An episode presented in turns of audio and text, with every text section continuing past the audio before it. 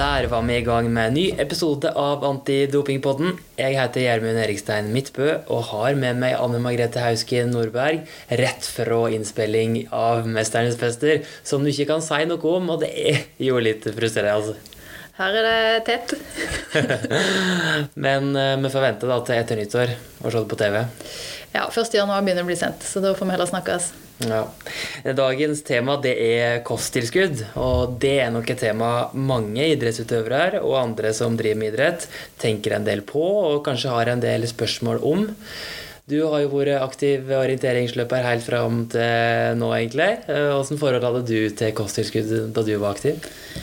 Jeg brukte nok bare hvis jeg fikk beskjed om at jeg virkelig trengte det. Så um, det hendte jo at jeg fikk noen blodprøver hvor det var for lite jern. og um, Jerntilskudd har jeg tatt i perioder, det måtte jeg ta. Men utover det um, har jeg nok vært veldig kritisk. Men åssen er det i orienteringsmiljøet og, og i generelt i norsk idrett, tror du? da? Jeg tror det varierer veldig. For vi vet jo at i en del miljøer så eh, søker utøvere å hente marginer nettopp på på kosttilskudd og prøve ut forskjellige ting og vurdere, eh, kanskje uten at de har fått påvist noen mangel, da, eh, om de føler de har effekt i treningen eller på prestasjon i konkurranse. Så eh, det er absolutt noe som trengs å, å gis god informasjon om.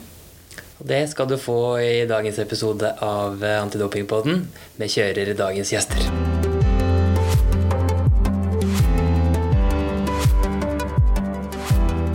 Fått med oss to gjester som begge er eller har vært syklister og har skikkelig peiling på kosttall. Først så ønsker vi velkommen til deg, Emilie Moberg. Tusen takk. Takk for at vi kom hit. Du er jo fortsatt aktiv proffsyklist, eh, og du har vært en av Norges aller beste syklister i mange år. Og proffrytter helt siden 2010, er det ikke det? Det stemmer. Ja. Mm. Og nå sykler du for det britiske laget Drop Cycling Team. Du har elleve store internasjonale seirer, og du var med i OL i London. Og så tok du en ny NM-medalje for noen uker siden. Ja, det stemmer. Men eh, før vi snakker om, eh, om temaet i dag, så må jeg stille det spørsmålet vi stiller til alle gjester. Hva er det første du tenker på når jeg sier doping? Um, jeg tror det første som dukker opp i hodet mitt, er Lance Armstrong. Tour de France. Ja. Um, jeg tror liksom det var der iallfall jeg hørte først om doping. Sånn um, Ja, men juks, liksom. Um, ting ikke er gjort på riktig måte. ja, jeg tror liksom det med, med Armstrong og hele den skandalen hele der jeg tror det er det som jeg først tenker på med doping. Um, og hvor skuffa man ble på en måte av det. Og det, man, da fikk man øye opp hvor mye kanskje egentlig juks det var da, på den tida der. Mm. Mm. Du har kanskje sett denne dokumentaren i sommer òg? Jeg ville egentlig ikke se den, Nei. men så ble det for mye press, så jeg har sett den. Ja. For jeg ville egentlig ikke støtte på scenen. men ja, jeg har sett den. Mm. Ja. Og den, den, var jo egentlig bra. Den var det. Mm. Mm. I studio i dag har vi òg Morten Mørland. Du har òg vært syklist på, eh, på toppnivå tidligere, men nå er du eh, ernæringsrådgiver, kan man kalle det. Du har seks års studier med ernæringsstudier. Eh, og du har et NM-gull på lagtempo da, med Dor Hustov. Det er kanskje det du er mest stolt av eh, fra karrieren din? Ja, jeg må jo si det. Det er jo stort sett den eneste medaljen jeg har, så da kan jeg ikke si noe annet. Men nå jobber du hos Olympiatoppen, og der jobber du jo med de aller beste utøverne vi har her i landet, med, med kosthold og ernæring. Eh, mm. Da må vi spørre deg òg, hva er det første du tenker på når, når jeg sier ordet doping? Ja, det er et godt spørsmål, men jeg jeg tenker egentlig at det er veldig trist at idretten, og, eller generelt i samfunnet, at man uh, tyr til snarveier og tyr til juks. Det er veldig trist. Det, det, er liksom alltid en skygge som har fulgt med, og sikkert alltid vil følge med idretten, og det er veldig synd. Mm. Men i dag skal vi snakke om eh, kosttilskudd sånn eh, spesifikt. da. Ikke akkurat doping, men det går jo litt i hverandre ofte. Men Emilie, litt tilbake til karrieren din. da. 2020 det har vel ikke vært det kuleste året for deg som syklist, kanskje? Nei, det har jo vært veldig spesielt. Det har blitt mye trening, da. Ja, og vi har vært så heldige her hjemme i Norge at vi har fått trent normalt, i hvert fall. Og ja, fått kjørt nasjonale nå siden juli. Så det har vært veldig bra. Og vi har hatt, ja, som du sa, vi har hatt NM. Egentlig alle øvelsene har vel blitt gjennomført. Så det har vært veldig bra. Men eh, ja, jeg er vant med å reise mye til utlandet og konkurrere i utlandet, og det har det ikke blitt så mye av. Så Så det savner du litt, kanskje? Ja. ja. Men du er ikke bare syklist, da. For eh, du studerer òg til å bli klinisk ernæringsfysiolog. Eh, du har kommet sånn halvveis. Mm. Ja. Og Derfor så er det jo veldig spennende å høre med deg hva du tenker om å bruke kosttilskudd. Eh, det skal vi komme litt tilbake til. Men fortell litt om hva som var det som fikk deg til å bli, studere ernæring. Hvorfor begynte du med det, egentlig? Um, jeg er jo glad i mat, da. uh, nei, altså, jeg syns det er veldig spennende med egentlig, hvordan mat påvirker deg. Og først og fremst var det på en måte med prestasjon da, på, på, idrett, men også liksom, hvordan mat og helse henger sammen. Så ja, det var det som gjorde at jeg var eh, interessert i det og søkte meg inn på det. Um, og det å lære om kroppen, hvordan det funker, uh, ja, hvordan, uh, hvordan, man kan bruke mat da, uh, til å ha god helse. og også selvfølgelig optimal prestasjon. Mm. ja.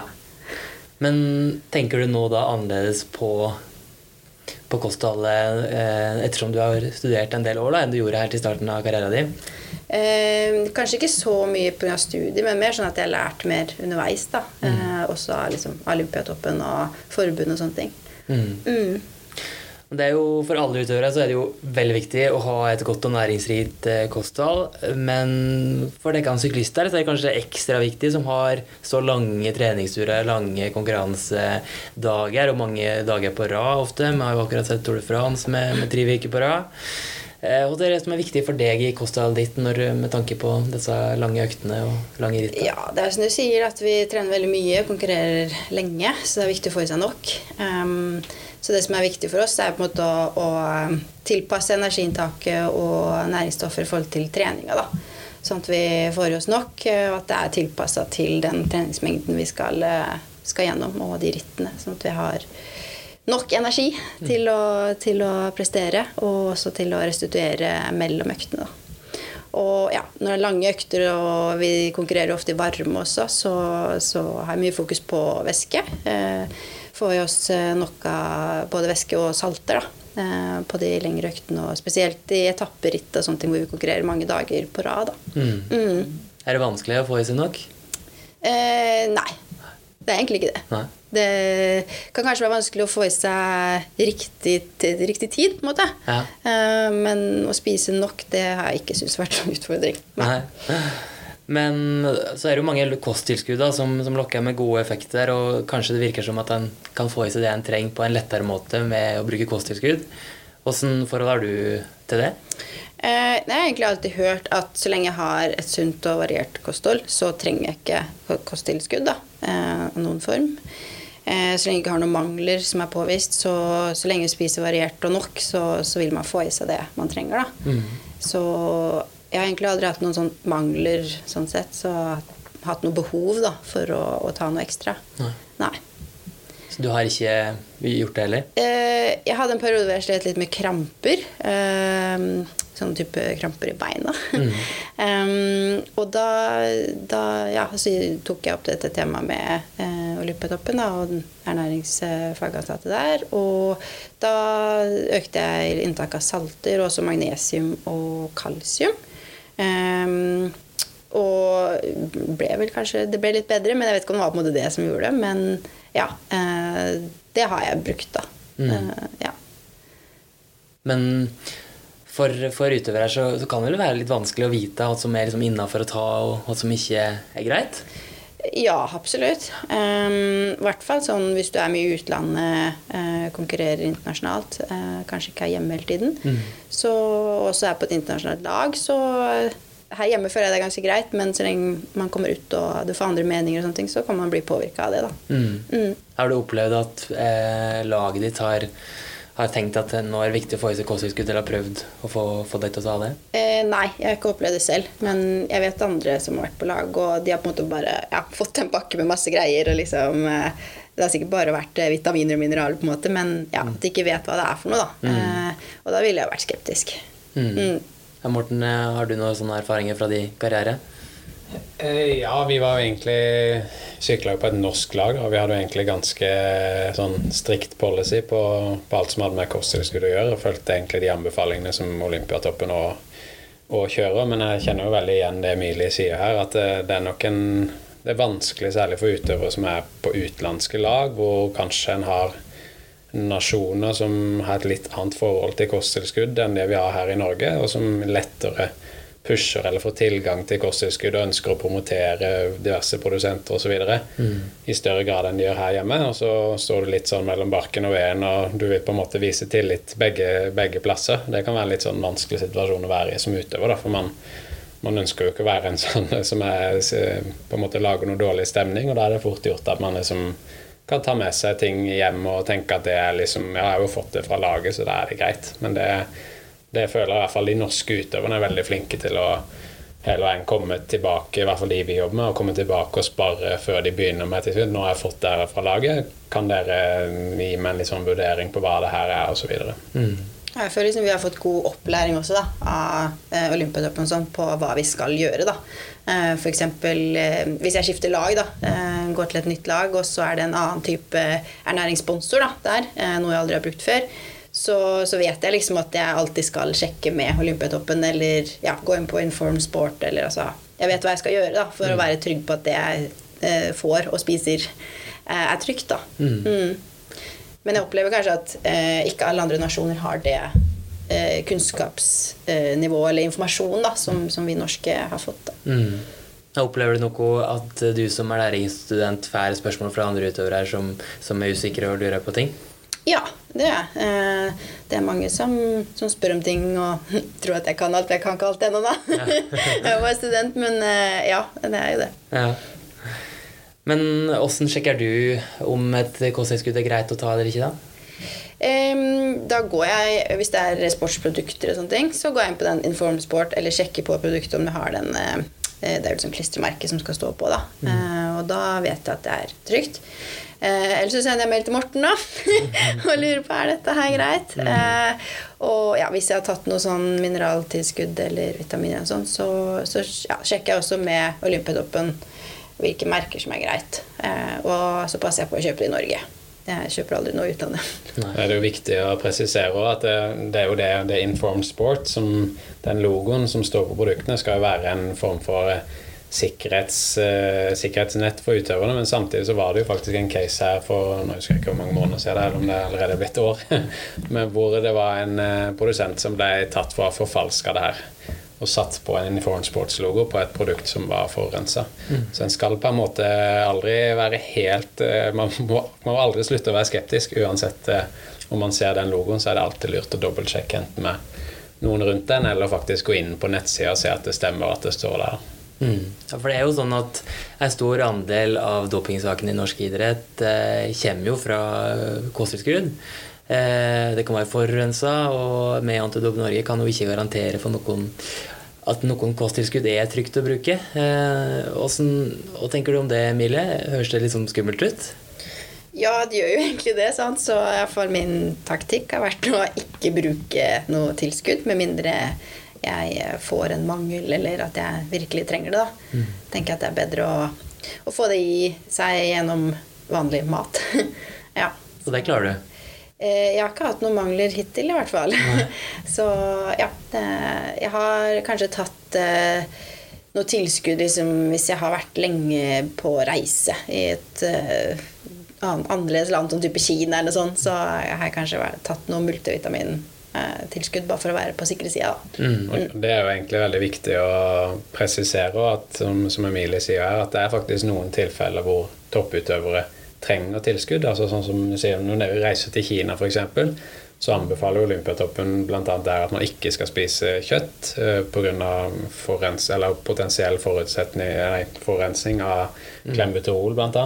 Mm. Um, så det gjør jo at man må ta bort en ganske stor proteinkilde bl.a. fra kosten. Og når du vet at det vanligvis er ris stort sett, og veldig mye mat som er ganske vanskelig å spise, mye sterk mat, så er det plutselig veldig begrensa. Da er det lett å si at ja, men du klarer det med vanlig kosthold, men plutselig gjør man ikke det lenger. Og da er det klart da trengs det en strategi for å på en måte få bort de manglene. Hvis du er der i tre-fire uker, så kan det ha ganske store konsekvenser eh, hvis man ikke, nesten ikke får inn noen proteiner på, på veldig lang tid. Da. Men når det er sagt, så kan man òg i veldig stor grad med gode forberedelser har med seg mange provianter. Alt fra jeg husker sjøl vi har kjørt til Kina med tunfiskbokser makrell i tomat eh, på boks eh, og real turmat osv. Det er faktisk, vi kjørte i Kina i 2015, og jeg tror faktisk ikke jeg har spist tunfisk siden 2015. Tre uker med tunfisk, så det, det holdt. så, men, men, det er absolutt mulig hvis man med litt god planlegging og sparing på det. Mm. Det var en typisk situasjon en utøver kan eh, havne i, der en kanskje trenger kosttilskudd. Er det andre situasjoner, mosjonister, andre Nei, altså Du har jo selvfølgelig, som Emilie nevnte, har du mangler eh, som legen oppdager, så, så, er det en annen ting. Og så har du de generelle anbefalingene fra helsemyndighetene om tran vitamin D, som vi ser eh, i tranen fordi at vi får lite omega-3 i kosten jevnt over. Um, siden det er feit fisk som er hovedkilden til det. Og, men òg vitamin D pga. lite sollys. Så særlig da hvis man er utøver som trener innendørs f.eks. veldig mye av året, så er det vanskelig å få nok sollys. Og da ser man fort at vitamin D-nivåene kan falle. Men igjen så er det ikke noe behov for tilskudd ved mindre man ved blodprøve faktisk ser at man begynner å ha fallende verdier eller begynner å komme under en grense som mm. både trengs. da. Mm. Men du som har jobba med ernæring og studerte så mange år, og nå jobber du på Olympiatoppen.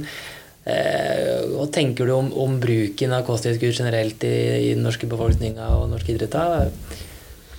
Uh, nei, Det er egentlig et godt spørsmål. Jeg ble jo, husker når jeg begynte å jobbe der oppe, så var jeg litt overraska over hvor lav bruk det var i forhold til hva en forventa. Altså hvis en etter å ha trent mange år på sats og sånne ting, så følte jeg det var, det var så mye bruk av kosttilskudd og pushing av produkter hele tida at en forventa nesten at når man var toppidrettsutøver, så når man faktisk kanskje tidvis trengte det, så ville det i hvert fall være brukt. Men overraskende lav bruk, da. Eh, og det tenker jeg er veldig positivt, og jeg tror jeg kommer litt av det Emilie sier òg, at man faktisk er litt skolert i forhold til å være skeptisk til både produsenter som hele veien kommer inn, men òg i forhold til hva behovet faktisk er. da. Så det er jo ikke noen tvil om at i samfunnet for øvrig, det er i hvert fall min oppfatning, er jo at bruken er enorm i forhold til hva behovet mm. Det er det ingen tvil om på treningssenter er det større bruk enn det er i idretten? Ja, nå har ikke jeg noe tall på det, men, eh, men, det er bare min oppfatning. altså i hvert fall i forhold til, Men det er jo noe med tilgjengeligheten også, selvfølgelig. Når du kommer inn på et treningssenter og mm. diskene er fulle av det ene og det andre, så er det klart det er en litt annen greie. Ja. Og da, når en tenker på treningssenter, så tenker jo kanskje da mange på kreatin eh, med folk som trener mye styrketrening. Er det, er det noe eh, Oljepetoppen vil anbefale eller ikke anbefale å bruke? Nei, altså Når det kommer til kreatin som ett tilskudd, så er jo det, det er jo flere studier som viser til på en måte potensiell effekt av, av kreatin, både i forhold til styrke og, og visse utholdenhetsidretter. Men samtidig så vet vi jo at det kan ha en negativ påvirkning. En ting er jo selvfølgelig om tilskuddet er forurensa, så er det jo er det jo en egen sak, men kreatin i seg sjøl vil jo kunne ha en negativ effekt òg, både ved feil bruk, men òg i, feil idrett, holdt jeg på å si, hvor en faktisk ikke være gunstig og nødvendigvis bygge så mye mer muskelmasse eller binde mer vann i kroppen osv. Mm. Så, men en bør i hvert fall være veldig nøye på at en for det første finner et produkt som man kan være trygg på. Så, eller aller først så må man vite om det faktisk er et behov, eller er det andre ting man bør fokusere på. Mm. Og så ikke minst så bør man ha kyndig veiledning på det. En ser jo, eller en hører i hvert fall om altfor mange yngre utøvere som har testa ut de her tinga uten å ha noe veiledning i det hele tatt, og det kan være ganske skummelt. Mm. Hva tror du sier til en, en ung idrettsutøver da, som, som, har begynt med styrketrening, og vi trenger, føler han, å bli, eller hun, å bli større, og kanskje da føler at en trenger kreatin, trenger litt raskere resultater, og har hørt at flere han eller hun kjenner bruker det, og at det funker? Mm. Da vil jeg for det første si ha tålmodighet. Eh, jeg tror alt for meg Det er jo veldig lett å si, men samtidig så er det så utrolig viktig. for eksempelvis for en ung utøver som da Ok, kanskje det er en idrett hvor en har behov for en relativt høy muskelmasse på et eller annet tidspunkt, men forserer man det, så kan man fort ende opp med at det går utover annen motorisk utvikling, f.eks. Hvis du plutselig får en stor muskelvekst, så kanskje man endrer løpsteknikk eller hva det skulle være, som faktisk har en negativ påvirkning igjen. Så du kan òg faktisk legge litt hinder i veien for den utviklinga du egentlig skal ha. da. Mm. Så jeg tror det er viktig å, å, formidle at faktisk så er det en grunn til at kroppen bruker litt tid på å, på å utvikle seg. Fordi man trenger en tid til tilpasning òg. Er det noe uh, unge Emilie hadde trengt å hørt fra uh, ernæringsstudent Emilie i dag? kunne sikkert spart litt penger da jeg var litt yngre, på å ikke liksom, kjøpe sånne multivitaminer og, eh, og, sånne ting som man trodde man trengte, bare for å være på sikre sida, liksom. Ja, for, for det brukte du? Ja. Da jeg var litt yngre, så var det sånn Ja, det er jo viktig å ha fulle lagre, liksom. Mm. Jeg tror det var sånn oppfatning mange hadde, at iallfall i hvert fall som drev med idrett, at det er bedre å være på sikre sida, liksom. Mm. Eh, og så har jeg garantert kjøpt liksom eh, også sånn Jeg tror ikke det er noen farlige ting, på en måte, men noe sånn eh, sportsernæring og sånne ting som, eh, som jeg helt sikkert ikke hadde trengt. som egentlig bare er tull, sant. Ja. ja. Hm. Men det har ikke hatt så mye annet å si enn at det kosta litt? Nei, jeg tror ikke det. Det er rimelig ufarlig, tenker jeg. Men mm. uh, det har kanskje vært ting, ja, ting som man uh, bare tenkte at det er bra å ha på trening, men uh, ikke trenger det i det hele tatt. mm. Men Morten, hva skal en være obs på da, hvis en vurderer å ta et nytt kosttilskudd? Nei, jeg tenker man, Er det store lovnader, så bør man være veldig obs. Det er kanskje virkelig varsellampa som går.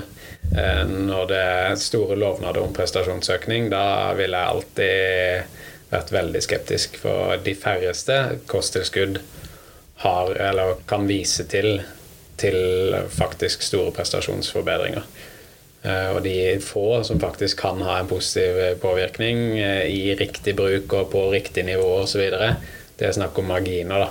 Så der tror jeg er viktig å å være litt uh, Det er lett å si, det, men jeg tror det er vanskelig for utøvere, eller unge utøvere særlig, å være kritisk. Det er jo litt den tingen man kanskje får når man blir eldre, det er den kritiske tenkninga.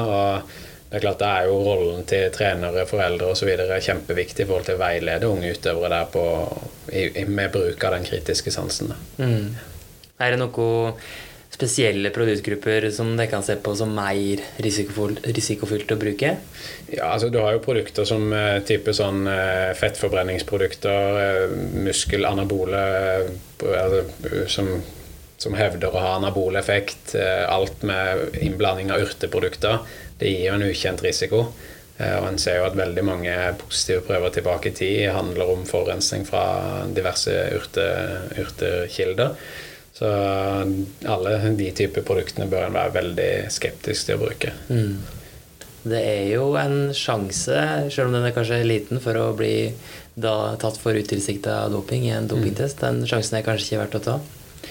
Nei, en bør jo virkelig alltid spørre seg sjøl kost-nytte, og ikke minst en risikovurdering. Hva har jeg å hente på det her? Og er det sånn at, også kanskje ikke minst tenke på hva andre ting er det jeg faktisk skal utvikle. Mm. Er det så viktig med det her kosttilskuddet at det på en måte er verdt å ta den risikoen nå? Framfor å på en måte jobbe med lungekapasitet, eh, hva det skulle være. ikke sant? Eh, tekniske, taktiske egenskaper. Mener du liksom at alt det er på plass? At du er på et verdensnivå? Mm. Ikke sant? Det er en litt sånn viktig stikkfingeren i jorda litt, og tenke om du faktisk er der. Og det tror jeg er jo de færreste som faktisk kan si da, at de er. Men hvis jeg da konkurrerer internasjonalt og tenker at ja, men alle andre bruker jeg jo litt Det har kanskje du sett, Emilie? Ja, jeg har vært på lag med eh, mange eh, jenter fra andre nasjoner. Da. Eh, og jeg ser at det er mye mer bruk av kosttilskudd i utlandet enn det vi norske gjør. Da. Mm. Men da tenker jeg jo liksom det jeg har sett av forskning og anbefalinger og sånne ting, at det kanskje ikke har så mye effekt. da. Så da tenker jeg heller på en måte at eh, ja, ja, de, de kan godt ha det der, men jeg tror ikke det er det som gjør at de vinner sykkelrittet, liksom. Ja. det kan være mye som ikke har noe effekt i det hele tatt. sant? Som, eh, men altså kanskje litt placeboeffekt, da. Men det er, liksom, det er det jeg pleier å tenke at eh, ja, det, det får dem gjøre, liksom. og så er det jo litt som du sa, at man tar for sikkerhets skyld. Altså, men jeg tror det er mange som glemmer faktisk at en del kosttilskudd kan ha negativ effekt. Både ja. i feil bruk og og så videre, og belastning på systemet. Så det er jo viktig å kan tenke ok, de får bare bruke det. Det kan faktisk heller bare ha en negativ effekt for ja. mange. Ja. Mm. Mm. Og så tenker jeg at ja, jeg, jeg, vil ikke ta noe risiko med å, med å, ta noe som eventuelt kan inneholde noe, liksom. Så da fokuserer jeg heller på å ha en sunn kost da, enn å, enn å gå inn på noe sånn tilskudd. Mm. ja. Ja, men det med, vi snakka om at 10% av sakene med stor sannsynlighet i hvert fall, stammer fra kosttilskudd av dopingsaker i norsk idrett. Tror du det kommer av at utøverne vet for lite, eller er for uforsiktige? Jeg tror det er en kombinasjon. Jeg tror veldig mange vet veldig mye. Samtidig så tror jeg det er litt sånn at ja, så hvis du tenker generelt, så vet jo alle at det er dumt å røyke, men allikevel så velger folk å gjøre det. Og litt samme tror jeg kanskje du har med kosttilskudd. At folk vet at det er en risiko, men samtidig vet de jo at det kan være en potensiell gevinst. Det er jo I motsetning til røyk så har du faktisk en potensiell gevinst. Så, så, det er jo det som på en måte trigger, pluss at selvfølgelig at en har hele veien nye produsenter som kommer på markedet med nye lovnader og nye kall det superprodukter som nå liksom endelig er det her nye produktet her. Nå kan du løfte deg, ikke sant? Og så blir man litt eh, blir man litt revet med, kanskje, og sånt. Men jeg tror eh, definitivt veldig mange, i hvert fall på toppnivå, har en god kunnskap. Og det føler jeg liksom er litt sånn trenden en ser blant toppidrettsutøvere i Norge nå, er jo at eh, jeg føler det er en veldig stor bevissthet og litt sånn større kritisk tenkning enn det bare var for fem år siden da jeg begynte å jobbe der oppe. Mm. Fordi at det er mye mer ute i media og en del sånne ting. Og det tror jeg er veldig positivt for utøvere. Mm. Hadde du noen mangeltilstander da du var aktiv som gjorde at du måtte ta noe? Nei, jeg hadde vel ikke så mye mangeltilstand annet enn type vitamin D og litt jern og sånne ting. Det er jo i hvert fall ikke uvanlig når man driver med utholdenhetsidrett, eh, særlig jern. Eh, og hvis man i tillegg, når jeg holdt på, så var det jo ikke så vanlig å bruke høydetrening bl.a., men det er jo i mye større grad nå. Og der òg ser en jo at det fort er enda større jernbehov enn det er i lavland. Så, så, i noen tilfeller er det jo faktisk nødvendig eh, med type jern og vitamin D og sånne ting, men eh, bortsett fra det så, så er nok eh, så har jeg nok ikke hatt noe behov for noe annet. Nei. Men sånn type kosttilskudd er vel en del tryggere enn andre? Absolutt. Og det er jo, som vi sier til alle utøvere, så, så, er jo det å kjøpe produkter på norske apoteker osv. Så, videre. så det, de har en god, god, veiledning der i forhold til hva slags produkter man skal bruke og ikke. Mm. Hvor vanlig er det egentlig med mangeltilstander blant vanlige folk som trener, da, mosjonister? Jeg har ikke noe tall på det. Du kan sikkert finne det en eller annen vei, men uh, min oppfatning er jo hos idrettsutøvere og helt sikkert hos vanlige befolkninger at det er veldig lite vanlig med mangler. Uh, det er nok, I hvert fall i forhold til bruken av kosttilskudd, så er det jo samsvarer ikke overhodet. Så, så det er nok ganske mange som kunne brukt pengene på en del andre ting. Kanskje på litt bedre mat og bedre kosthold. Har dere noen gode tips å komme med der mot eh, slutten av podkasten? Hvordan skal en få, få, det beste kostholdet som utholdenhetsutøver nå, da? Eh, spise litt av alt. Men ja, som utholdenhetsutøver så ville jeg fokusert på å få i meg nok karbohydrater. Derfor har jeg lært gjennom de åra jeg drev med sykling, eh, at eh, karbohydrater er, er nøkkelen. Mm. mm. Har du en favorittmiddag da? Eh, ja, pasta med laks. Mm. det er en klassiker. mm. Morten? Ja, nei, det er jo anerkjent. Det er carb is king for utholdenhetsutøvere. Samtidig så har jo heldigvis eh, har det gått lenger at man har skjønt på en måte viktigheten av f.eks. å få nok proteiner og sånn selv som utholdenhetsutøver, siden man bryter ned såpass mye. Men det er jo ikke noe tvil om at uten karbohydratene så har man jo ikke den bensinen man trenger. Så eh, men akkurat de favorittmat Jeg tror for min del likte mye risotto sånn inn mot eh, hardøkter og konkurranse. Så det er jo eh, pasta, pasta, og ris er jo sånn sykkel, sykkelmat. og litt tunfisk på bagasjen. litt tunfisk og real turmat. det er fint på lange reiser, for det kan være jo borte i lenge perioder. Og da er det viktig å tenke litt ekstra på kostholdet. Ja, ja. altså Den Real Turmat sin uh, chili con carne den smaker utrolig godt etter fire uker i Kina.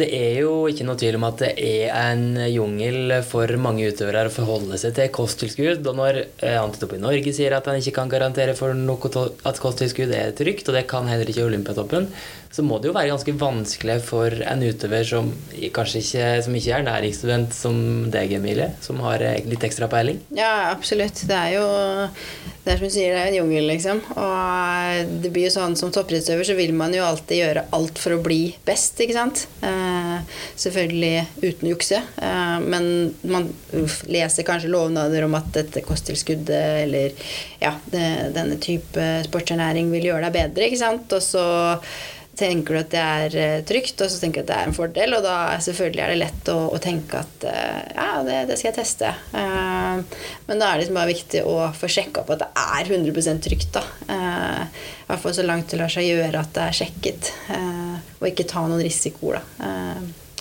Det er, men det er vanskelig selvfølgelig for utøvere å, å vite. da. Som, som, du sier, at selv ikke Antidoping Norge kan liksom si at noe er 100 trygt. da, og man eh, har ikke lyst til å gå rundt med sånn frykt for at eh, kanskje man har tatt noe man ikke skulle ha tatt. da. Mm. Ja, utvilsomt. Jeg tror man skal bare være skeptisk, skeptisk, skeptisk og spørre, spørre, spørre. Og er det et lag man er i som kommer med nye produkter, så ikke begynn med noe før man har, eh, har hørt med noen fagfolk. Eventuelt kan man òg be laget om å, å, teste produktene. Hvis det er nye produkter, en ny produsent som eh, kommer og sier at det er testa og det er dopingfritt osv., da bør man i hvert fall være skeptisk. Men faktisk be de, eller hvis vi skal bruke produktene deres, så må det testes gjennom f.eks. Inform Sports, hvor de kan både batch-teste og lab-teste eh, den merkevaren, da, f.eks. Så det, det, vil være en trygghet. Jeg tror man må, som utøver må ta litt eierskap og faktisk kreve den tryggheten sjøl. For det produsentene vil aldri servere den til deg, så du må på en måte si at ok, kanskje, men da skal jeg i hvert fall ha det sånn og sånn i forhold til trygghet for min egen del. Ja, det tenker jeg at det er faktisk Det er jo utøverens ansvar hele mm. veien. Du kan faktisk ikke sitte der, og så har du blitt tatt da for doping. Og så bare, Nei, men eh, laglegen sa det var greit. Det, sånn, det, hjelper faktisk ingenting. Du har ansvaret sjøl, da. Mm. Eh, og det tenker i hvert fall jeg eh, på at det er, det er, mitt ansvar på en måte å sjekke at jeg ikke tar noe jeg ikke skal ta. Mm. Ja. Tusen takk, Emilie Moberg, proffrytter, og Morten Mørland fra Lundborgtoppen, at jeg kan komme til antidopingbåten i dag. Bare hyggelig. Det var hyggelig.